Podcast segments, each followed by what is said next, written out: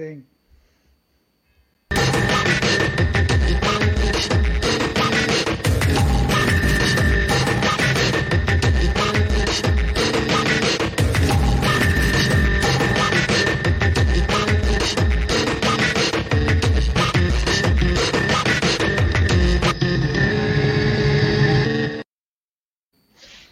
Welkom bij Topnames iedere dinsdagavond. Normaal gesproken alweer een tijdje vanuit de loods in Durgedam. Ik was bijna in Durgedam toen ik hoorde dat ik toch om 9 uur weer thuis moest zijn. Dus uh, ik ben snel weer naar huis uh, gesneld.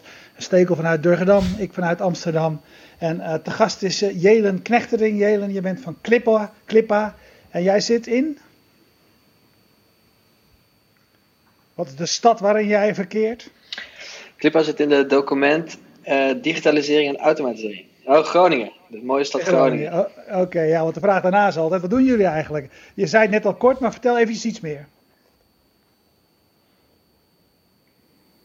Ja, Clipper zit in de document digitalisering en automatisering. Dus wij helpen bedrijven die in hele grote volumes documenten verwerken en vaak repetitieve handelingen doen, om dat eigenlijk te automatiseren, eh, zodat mensen zo min mogelijk tijd besteden aan repetitief werk en zoveel mogelijk tijd kunnen besteden aan de zaken die bedrijven echt verder helpen. Veel bedrijven beginnen met een eigen probleem of een probleem wat mensen van dichtbij kennen. Was dat bij jou, bij jullie ook het geval? Uh, zeker. Dus uh, ik liep eigenlijk zelf tegen het probleem aan dat mijn werkgever destijds um, een heel omslachtig declaratieproces had. En uh, ik gaf eigenlijk destijds aan van, goh, kan dat ook anders? En toen zeiden ze eigenlijk van, nou ja, als jij daar een goede oplossing voor hebt, dan zouden wij dat wel van jou willen afnemen. en dat is eigenlijk het begin van Clipa.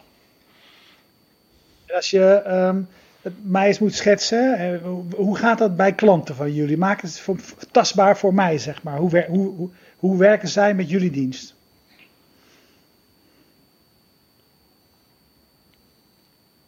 Nou, er zijn allerlei verschillende routes waarin het mogelijk is, maar ik denk dat de meest tastbare is eigenlijk de boekhouding. Dus veel bedrijven voeren natuurlijk, of eigenlijk alle bedrijven voeren een boekhouding.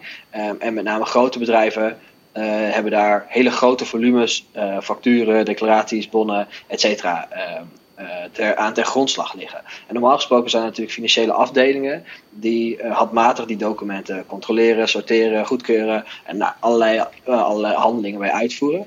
En wat wij eigenlijk bieden is een, een platform en een API die automatisch documenten voor je kan controleren, sorteren, goedkeuren, allerlei andere activiteiten mee kan uitvoeren. Uh, zodat die repetitieve handelingen uh, eigenlijk uit het proces gaan. Uh, zodat bijvoorbeeld een accountant zijn tijd kan focussen op advies. In plaats van op het handmatig controleren van grote documentstromen. En wij doen het dus ook vooral voor bedrijven waar, waar, duizenden tot miljoenen documenten in rondgaan. En niet voor bedrijven waar tientallen documenten rondgaan. Ja, dus niet, absoluut niet gericht op ZZP'ers en, en, en kleine bedrijven, waar natuurlijk wel heel veel marketing op wordt gepleegd voor de, de elektronische boekhoudpakketten en dat soort dingen. Jij hebt het echt over uh, bedrijven met grote volumes aan facturen die binnenkomen, facturen die uitgaan, uh, uh, werknemers die declaraties doen met bonnetjes, dat soort dingen. Kun je, kun je dat nog even tastbaar maken? Wat, wat, bijvoorbeeld die bonnetjes, hè, tienduizenden bonnetjes per maand. Hoe, hoe doen jullie dat dan, dat automatiseren?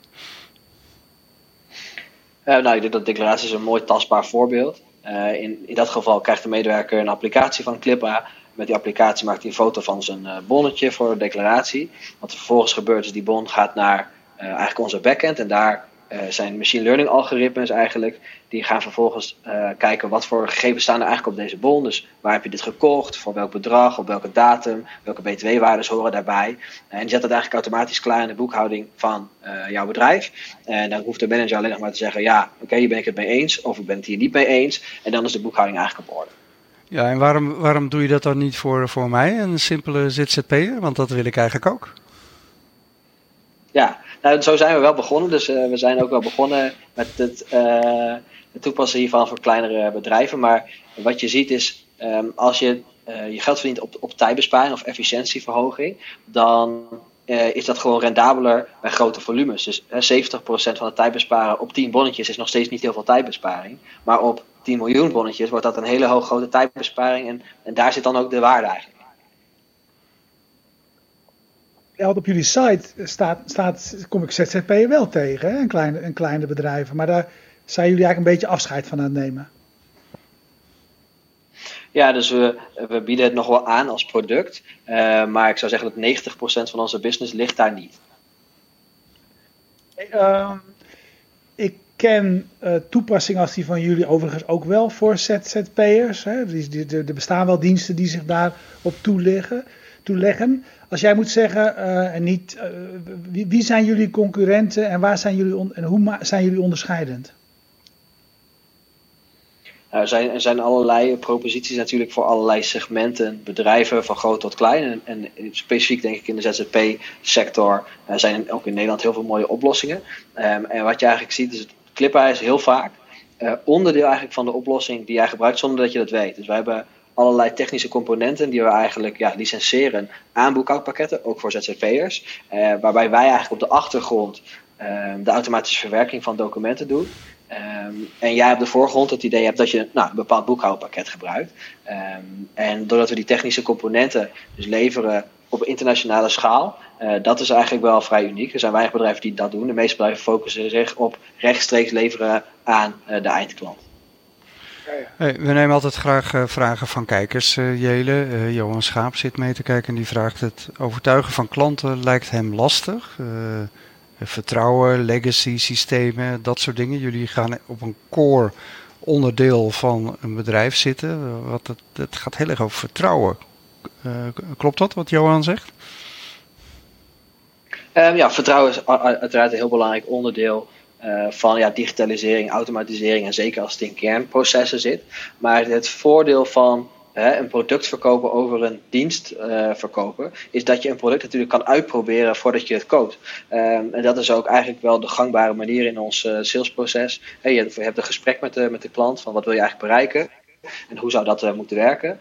Uh, vervolgens gaat de klant dat gewoon in de praktijk toetsen. Um, en krijgt daarmee eigenlijk proof of the pudding. En daarna hoeft hij pas een aankoopbeslissing te maken. Uh, dus dat is eigenlijk de stappen die je neemt om het vertrouwen te winnen. Dus je kunt het gewoon in de praktijk ervaren.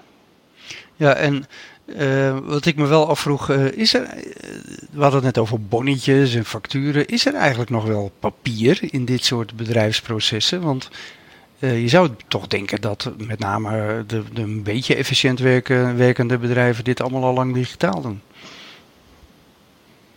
Ja, het, het interessante is alleen vaak dat mensen digitaal en automatisch uh, ja, moeilijk van elkaar kunnen scheiden. Dus dat mm-hmm. bijvoorbeeld een factuur digitaal binnenkomt hè, als PDF, maakt natuurlijk nog niet dat die ook echt automatisch in je boekhouding uh, zit.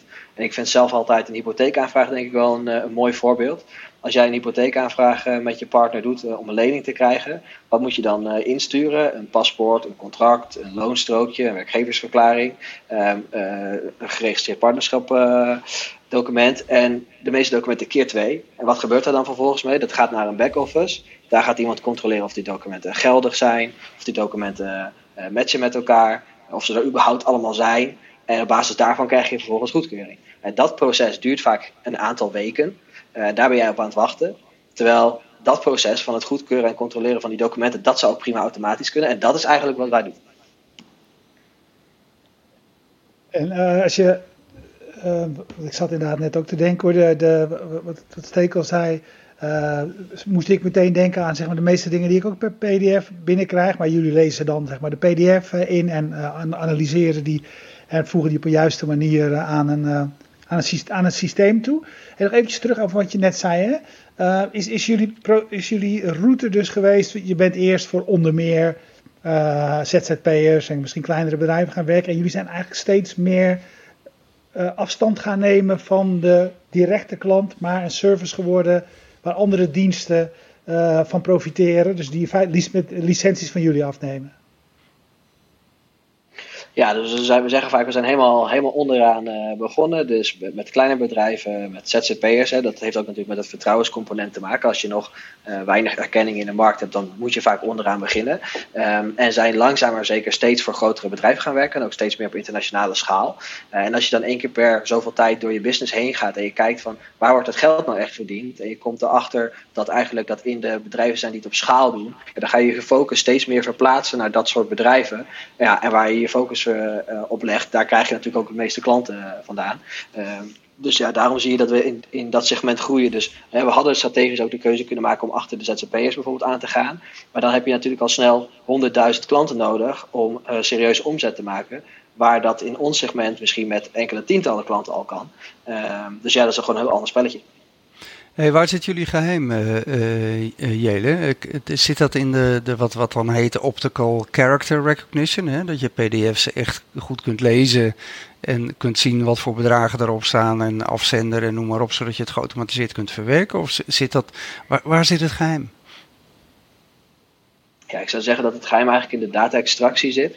Dus uh, het proces bestaat eigenlijk uit meerdere stappen. Dus één stap is eigenlijk het omzetten van een afbeelding naar tekst. En eigenlijk de vervolgstap is het begrijpen van die tekst. En daar de juiste datapunten uit kunnen destilleren. En die datapunten vervolgens ook kunnen toetsen op waarheid. Um, en in die laatste twee stappen eigenlijk zit denk ik uh, uh, ja, ons sterke punt. Um, dus hoe kun je een computer nou leren wat de structuren van een document zijn? Uh, en, en dat zeg maar op een ja, internationale schaal uh, over heel veel documentsoorten heen. Dat is wat ons uniek maakt. Ja, verkopen jullie je diensten ook aan de, de gewone. Ik, probeer het even te vertalen naar mijn eigen uh, situatie. Hè. Heel veel mensen gebruiken tegenwoordig uh, een of ander boekhoudpakket. Daar zitten ook veel van dit soort diensten zitten daarin. Daar krijg je vaak een app bij die, waar je inderdaad je bonnen mee kunt scannen. En dat gaat dan geautomatiseerd je boekhouding in. Of facturen kunnen op die manier verwerkt worden. halen die dit soort kennis bij jullie? Hoe, hoe werkt dat? En ja, in software heb je eigenlijk, kan je meerdere routes kiezen. Je kan ervoor kiezen om alles zelf te ontwikkelen. Maar wat steeds vaker wordt gedaan, is eigenlijk wat ze vaak de API-economie noemen, is je bouwt zelf een, een, deel van je oplossing en specifieke onderdelen koop je in. een heel groot belangrijk voorbeeld is denk ik Ideal. Geen enkele webshop heeft zelf eigenlijk een Ideal implementatie. Dat loopt eigenlijk altijd via een derde partij. Wij zijn eigenlijk zo'n soort partij voor partijen als boekhoudpakketten. Dus in Nederland zijn er zeker een tiental boekhoudpakketten uh, waar wij eigenlijk de engine zijn waarmee hun klanten de documenten automatisch verwerken. Maar dat weet jij als, als gebruiker van dat pakket alleen niet. En AFAS staat ook bij jullie op jullie site als een van de, de partijen waarmee jullie werken. Daar geldt dat ook voor. Dat is een van die voorbeelden. Ja, met AVAS werkt de samenwerking iets anders. Dus daar hebben we een integratie mee. Dat betekent eigenlijk dat wij rechtstreeks documenten in AVAS kunnen, uh, kunnen integreren. Uh, dus dat werkt iets anders, maar we zijn inderdaad een AVAS-partner. Hey, maar dus als jij op een feestje komt tegen de tijd dat er weer feestjes zijn en je zegt ik ben van Clippa, weet dus niemand wat dat is? Nee, nee, vaak niet. We zijn echt uh, de software achter de software vaak. Maar ik denk dat als je een echte ja, software productman bent, dan vind je het vooral heel, heel leuk. Uh, word je enthousiast van het feit dat heel veel mensen jouw product gebruiken. Uh, dat ze precies, precies weten wie jij bent of wie Clipper is, is daar wat minder ondergeschikt, is daar wat ondergeschikt aan, denk ik. Ja, eh, wat ik wel mooi vind van, van jullie verhaal. Ik, ik, las ergens een artikeltje toen ik dit gesprek zat voor te bereiden. Ik geloof op eh, RTV Noord, want jullie zitten in Groningen, in het noorden. Dat jullie helemaal, wat je net al vertelde, hè, onderaan zijn begonnen met een gratis product voor de, de ZZP'ers. En dat je eigenlijk langzaam daarin gegroeid bent. Uh, aanvankelijk alles gratis om een marktaandeel te verwerven. Kun je eens vertellen wat nou belangrijke momenten zijn geweest in jouw ondernemerschap? Dat je, dat je echt links of rechts moest, eh, welke keuzes je daarin gemaakt hebt en, en eh, hoe je dat gedaan hebt? Uh, nou ja, er zijn sowieso heel veel momenten geweest, denk ik. En wat ik zelf altijd zie als de meer, meest doorslaggevende ja, onderdeel tot succes, is eigenlijk continu door blijven gaan en continu een open mind blijven hebben. Uh, um, en kijken naar, oké, wat ik hè, vorig jaar heb bedacht, is dat nog steeds wel zo'n goed idee? Of is er eigenlijk met de kennis van nu een beter idee? En als dat zo is, hoe kunnen we het bedrijf dan zo inrichten dat we daar ja, dat ook, ook um, die kansen kunnen benutten? Uh, en ik denk die open mindset, waarbij je niet getrouwd bent per se met een route die je ooit gekozen hebt, uh, die maakt je flexibel genoeg om ja, het pad dat wij hebben bewandeld ook echt te bewandelen. En ik denk dat waar het vaak fout kan gaan is als je denkt van hé, ik heb een geniaal idee bedacht, uh, zo moet het er niet anders. En ja, de realiteit blijkt toch weer barstig. En als je dan te erg laat blijft vasthouden aan datgene wat jij ooit hebt bedacht, dan denk ik dat de kans op succes vrij klein is. En als je dan flexibel genoeg bent als persoon en als organisatie om te denken, oké, nou de wereld is iets anders dan ik had uh, verwacht, of mensen reageren anders op een product, dan pas ik mijn idee en product aan. Uh, want de wereld aanpassen is in ieder geval extreem lastig. Maar je product aanpassen heb je redelijk onder controle. Ja, in, dat, in datzelfde stuk las ik dat jullie een stap naar, naar Amerika, naar New York maken. Eigenlijk op verzoek van klanten die jullie al hadden. Kun je daar eens wat over vertellen, hoe dat is gegaan de afgelopen periode? Zeker. Uh, en dat ontstaat dus eigenlijk vanuit die, diezelfde filosofie. Hè? Goed luisteren naar wat wil de markt en wat willen klanten eigenlijk. En uh, dat volgen. Dus bij veel van de producten die wij maken, uh, dan ontstaat dat eigenlijk vanuit een vraag van de klant. Van, hey, zou het ook mogelijk zijn om X, Y, Z? En dat was in dit geval eigenlijk ook zo. Dus we zaten vooral in Europa en we dachten ook altijd van nou, dat is ook uh, onze focus. Um, totdat er eigenlijk een partij kwam uit de VS en die zei van hey, ik, heb, ik heb hier goede verhalen over gehoord. Ik heb deze uitdaging. Zouden jullie ons daarmee kunnen helpen? Um, toen hebben we besloten van oké, we, gaan, uh, we gaan dat doen. Um, dat was Madison Square Garden, dus dat is ook, niet, ook wel echt een, echt een leuke, leuke ja, naam. Niet, niet de minste. En toen ja. we. Nee, zeker niet de minste. Nee. En als je die casus dan eenmaal in je, je zak hebt, ja, dan denk je van goh, dat smaakt toch ook wel naar meer. En toen hebben we besloten van nou, dan gaan we daar ook uh, meer op inzetten. En hebben ook iemand aangenomen, uh, wel vanuit Groningen, die de Amerikaanse markt bedient, die ook uit de Verenigde Staten komt. Um, ja, om dat uit te breiden. En dat was dus eigenlijk een goede, goede keuze geweest. Ja, dan, dan is eigenlijk altijd ook weer de, de, de standaard vraag. Hè, van, dan, dan zijn er natuurlijk heel veel dingen ook totaal anders in, in Amerika. Om, om, uh, weet je, als je het hebt over wat jullie doen, optical character recognition, natuurlijk ook de taal, maar ook uh, de wetgeving op het gebied van financiën en hoe dat werkt in administraties. Is dat ingewikkeld om zo'n stap naar Amerika te maken, in jullie geval? Um, taal en uh, lokale regulering is, is in dit geval niet het grootste struikelblok. Ik zou haast zeggen, hoe gek het ook klinkt, dat tijdzones en uh, culturele verschillen misschien wel uh, de, grootste, ja, de grootste drempel zijn. Wat je bij Amerikaanse bedrijven bijvoorbeeld ziet, is dat je je product kan presenteren en iemand kan zeggen van, oh, looks very interesting. En wat ik inmiddels al heb geleerd, is dat dat eigenlijk betekent van, nou leuk, maar we hoeven je niet nog een keer te spreken. Terwijl ja, in Nederland zou je gewoon zeggen, hey, sorry, hier ben ik niet in geïnteresseerd. En daar zeggen ze eigenlijk van, looks very interesting. Dus dat je je echt moet aanpassen aan, oké, okay, wat zegt iemand en wat bedoelt hij eigenlijk? Ja. En, maar die je zegt van we hebben iemand aangenomen die zelf uh, uit Amerika afkomstig is. Uh, of was, was die al te veel Groninger geworden of beheerste die dat, uh, dat deel van het verhaal wel, zeg maar? Nee, hij, hij beheerst dat deel van het verhaal zeker. Alleen als het een beetje bij paaltje komt, dan, dan moet je toch vaak zelf ook nog aansluiten bij bepaalde gesprekken. Um, ja, en hij kan natuurlijk soms wel fungeren als een soort van cultureel filter. Maar ja, als je in een gesprek zit, kan hij niet even mij in mijn oor fluisteren van hij bedoelt eigenlijk dit. Uh, dus dan krijg je toch soms nog. Uh, ja, het, het, zorgt niet voor grote problemen, maar het zorgt misschien meer voor incorrecte verwachtingen soms. Ja, en, en, en legal, vraagt Johan. aansprakelijkheid. Zeker op financieel gebied moet je in Amerika natuurlijk wel ongelooflijk opletten. Ja, dat is zeker waar. Uh, maar wat wij eigenlijk uh, doen, is wij stoppen doorgaans met automatiseren waar eigenlijk lokale regulering begint. Dus um, als je kijkt naar wat we in de, uh, de VS market doen, is we lezen daar ook uh, documenten uit. en we geven daar ook voorstellen op basis van wat wij denken dat daar staat. maar dat gaat eigenlijk tot het moment dat wij zeggen van hé, hey, we zien dit document, er staat uh, 8% New York tax uh, op. En dat is dit bedrag. En hoe je dat verder in je boekhouding boekt, ja, dat moet je dan eigenlijk zelf weten. En dan ben je dus ook zelf verantwoordelijk uh, voor de finale registratie. Um, dus het hangt er een beetje van hoe ver je dat, dat trekt eigenlijk, die automatisering. En wij zeggen ja, precies, maar, maar dan, zo in te richten. Dan zeg je dat in Amerika het eigenlijk meer een ondersteunend systeem is, waar jullie misschien in Nederland al verder gaan. Uh, ja, ja, dus in Nederland gaan we wel verder dan uh, in de Verenigde Staten bijvoorbeeld. Ja, zeker. En hoe kijk je naar, uh, dit, dit gaat vrij organisch, er komt een, klant binnen en dan zeg je, nou ja, misschien is het wel een idee om, het land is groot, misschien zitten er wel meer klanten voor ons. Vanaf dat moment, kiezen jullie, zeggen jullie dan, nou, nu, komend jaar gaan we ons heel erg focussen op Amerika en andere landen. Wacht eventjes, hoe, hoe gaat jullie internationale expansie in, in zijn werk? Ehm, nou, we, we, luisteren altijd dus goed naar uit welke landen, regio's uh, komt vraag. Uh, en wat voor vragen zijn dat en hoe goed kunnen we op die vragen inspelen. En um, ik denk dat wij altijd een hele ja, praktische strategie hebben ten opzichte van uitbreiding naar een land. Wij zijn niet groot voorstander van hele grote plannen schrijven en marktanalyses doen. Maar ik kijk liever, oké, waar zie ik actieve vraag vandaan komen? Als ergens actieve vraag is, dan is er vaak ook passieve vraag.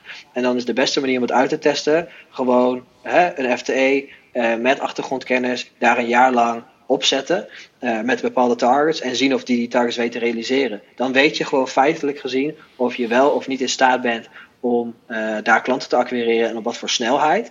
En dat geeft je dan eigenlijk de beste voorspellende waarde of je dat het jaar daarna dan misschien wel tien keer zo hard moet doen.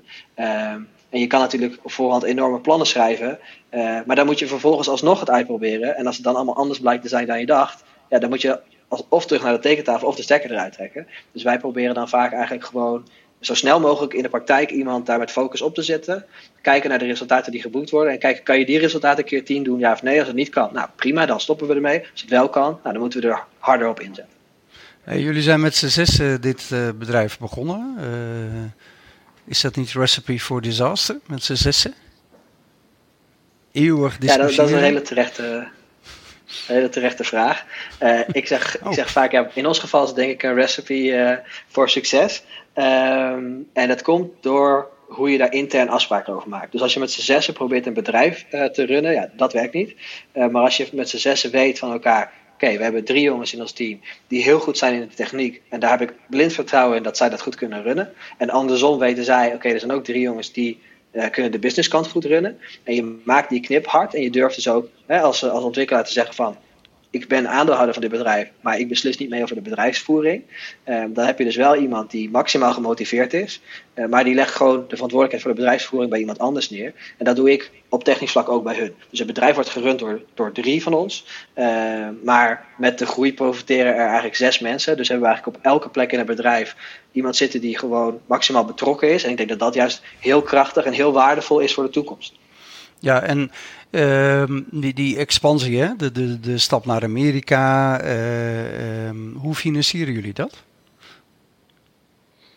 Um, wij hebben, uh, even kijken, in totaal drie investeringsrondes gedaan. Twee keer met, een, uh, met angel investeerders en één keer met een wat grotere investeerder. Um, en daarmee wordt dat uh, in principe gefinancierd.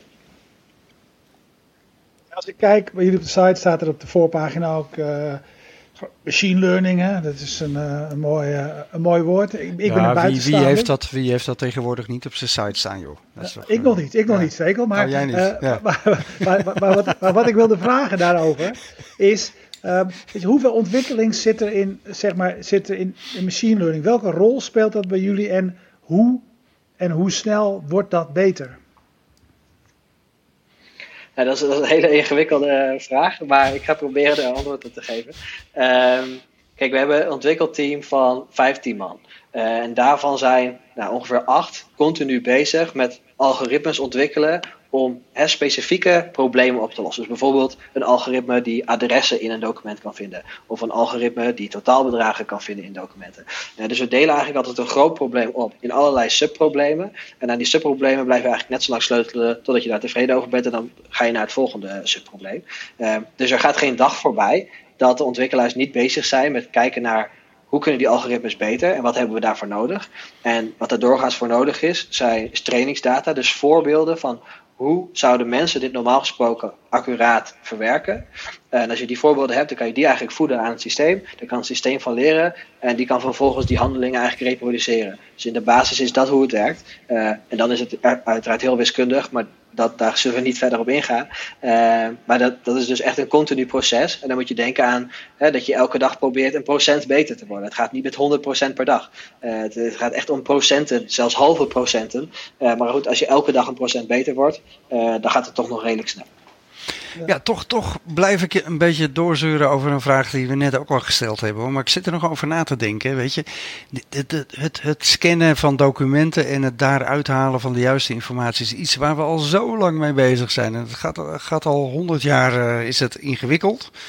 Uh, en nu hebben jullie gewoon doen jullie het op zo'n manier dat jullie de grote klanten, Madison Square Garden in Amerika, weten te overtuigen om klant bij jullie te worden? Wat doen jullie nou zo uniek veel beter dan al die partijen in Amerika? Ik zou zeggen dat het, het allerbelangrijkste verschil is dat er zijn heel veel partijen die proberen te kijken naar wat staat er op een document. Maar wat voor mij eigenlijk veel belangrijker is, is wat staat er niet op, maar kan je er wel uit destilleren. Um, dus bijvoorbeeld de KVK-nummer, dat staat op een document. Nou, die zou je ook kunnen identificeren, die zou je kunnen uitlezen. Maar waar wij veel verder gaan dan andere partijen, is dat we ook echt kijken of dat KVK-nummer bestaat. Dat, dat verifiëren we ook bij de Kamer van Koophandel API. We kijken vervolgens in de Google Maps API of op dat adres wat we hebben gevonden ook echt dat bedrijf ingeschreven staat. Dus dan kunnen we naast eigenlijk uh, aangeven dat het erop staat, ook verifiëren het bestaat ook echt. Uh, en we denken dat dit ook betrouwbaar is. Um, en daarmee ga je een stuk verder dan enkel lezen wat op dat document staat. En, en daar komt denk ik intelligentie uh, bij kijken, die vergelijkbaar is met hoe een mens naar een document zou kijken. En dat is denk ik een groot verschil. Ja, maar het is ook echt die, die, die koppeling tussen al die verschillende databases die jullie eigenlijk in jullie backend al doen op het moment dat je een document analyseert. Die snap ik ook heel goed. Ja. Ehm, want dat is natuurlijk een enorme tijdsbesparing. Want dat zit normaal inderdaad de administrateur te doen om te kijken of het allemaal wel klopt. En de adressen en de afzenders en noem maar op. En bij jullie komen die onmiddellijk gewoon uit de systemen. Ja, nee, absoluut. Uh, en ik denk dat een one-stop shop zijn voor een ander softwarebedrijf, hè, waarmee je allerlei problemen rondom documenten voor ze afhandelt, is gewoon heel interessant ten opzichte van met tien verschillende partijen samenwerken die gezamenlijk één probleem oplossen. En ja, dat is toch een soort aggregator van problemen uh, rondom documenten. En documenten is natuurlijk ook een hele gekke specifieke niche. Ik had ook nooit gedacht tien jaar geleden dat ik een bedrijf in documenten zou hebben. Uh, ja, dat was eigenlijk mijn volgende vraag. Toen je klein was, droomde je vast niet van een bedrijf te hebben in documenten. ja, waarom vind je het leuk? Nee, ik wil altijd advocaat worden. Oh, advocaat. Oké. Waarom vind je dit zo leuk? Ja, uh, ik vind het ontzettend leuk om problemen op te lossen. En continu bezig zijn met: oké, bedrijven hebben dit probleem. Hoe kun je dat op een zo slim en efficiënt mogelijke manier oplossen? En of dat dan om documenten gaat of om iets anders, dat, dat, dat maakt mij dan eigenlijk niet zo heel veel uit. En als je dan eenmaal in een onderwerp zit, dan is het ook wel leuk om daar steeds dieper en dieper en dieper op in te gaan. Uh, en wij benchmarken onszelf ook graag naar andere partijen in de markt bijvoorbeeld. En dan is het wel echt een uitdaging van, hè, uh, nou, je staat in de top 3 bijvoorbeeld. Hoe kom je op de eerste plek? Uh, en dan stel je verliest de eerste plek. wat heeft die ander dan gedaan wat wij ook zouden moeten doen? en dat spelletje, ja, dat is ook een soort competitief onderdeel, denk ik. Dat, dat vinden wij gewoon heel gaaf. Ja, jullie mogen met z'n zessen niet meer, de zes founders niet meer bij elkaar komen in deze coronatijd. Of, of zijn jullie een gezin? Uh, maar goed, nee, doet er eigenlijk niet toe. Ik wilde eigenlijk vragen, als jullie met z'n zessen bij elkaar zitten en je zit nu te dromen over waar jullie over vijf jaar of drie jaar uh, zouden willen staan, wat is dan jullie ambitie? Nou, ons doel is om de grootste documentverwerker van Europa te worden. En dan hebben we altijd een hele belangrijke bijzin. Met respect voor mens en milieu. En dat denk ik past ook heel goed bij deze tijdsgeest en onze generatie. Uh, we willen niet de grootste worden ten koste van, van alles, maar gewoon binnen normale kaders van impact van een bedrijf op mensen, op de omgeving. Binnen die kaders willen we graag het grootste, grootste eh, bedrijf in automatische documentverwerking van Europa worden. Dat is de doelstelling. Ja, vertel er eens wat meer over. Binnen normale impact op mensen en omgeving, wat bedoel je daarmee? Nou, uh, stel dat het uh, nodig zou zijn om uh, elke medewerker elke dag in een vliegtuig te zetten. Om de grootste documentverwerker van Europa te worden. Maar daarmee dusdanig grote impact te maken op de wereld. Nou, dan, dan mag het ook wel wat minder. Um, en bijvoorbeeld op mensen onze policy is gewoon, mensen werken 40 uur, mensen werken niet meer dan 40 uur. Als mensen een keer zouden overwerken, dan mogen ze dat daarna, eh, de ochtend daarna gewoon inhalen. Dus het is niet uh, onze doelstelling om mensen zo lang en hard mogelijk te laten werken. Uh, gewoon binnen gezonde kaders willen we het bedrijf zo groot mogelijk uh, groeien. En ik denk dat de Amerikaanse filosofie toch vaker is ten koste van alles. Dus er moet gewoon zoveel mogelijk geld in.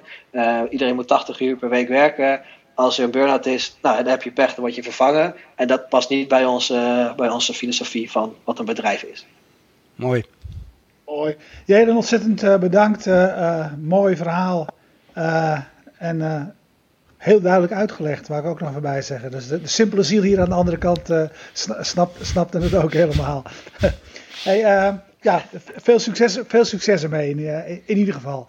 en ehm, voor wie verder nu zit te kijken, we bedanken zoals altijd Jetstream uit Groningen livestreaming specialist. Uh, we bedanken Bier Co, importeur, distributeur van speciale bieren. We bedanken Savvy, hostingpartij van WordPress sites, zoals die van Fast Moving Targets. En we bedanken Freedom, Freedom Lab, partij plek in Amsterdam om te vergaderen en te werken. En de loods in Durgedam. Nou ja, vrijdag weten we of we daar volgende week weer zitten. En anders binnenkort vast, vast en zeker weer. Oké, allemaal bedankt voor nu een kijkje live. Zo direct doen we nog een uitzending.